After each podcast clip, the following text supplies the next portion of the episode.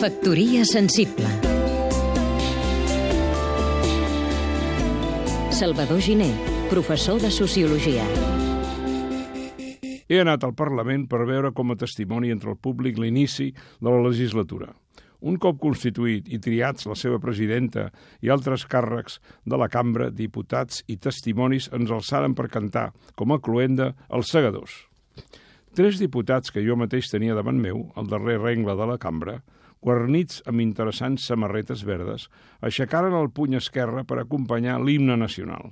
Per cert, el més bonic del món, superior fins i tot musicalment a la marsellesa. Em van dir que són d'un nou partit i que van molt forts amb les seves exigències d'independència. Potser, per aconseguir els seus objectius, caldria que recordessin que els més nobles ideals es poden aconseguir també amb un tarannà civil que respecti les formes de les solemnitats i les del nostre temple de la sobirania. Lo important és no defallir, tant si dus corbata com si no. El puny alçat, amenaçador, no li cal a un poble lliure. Factoria sensible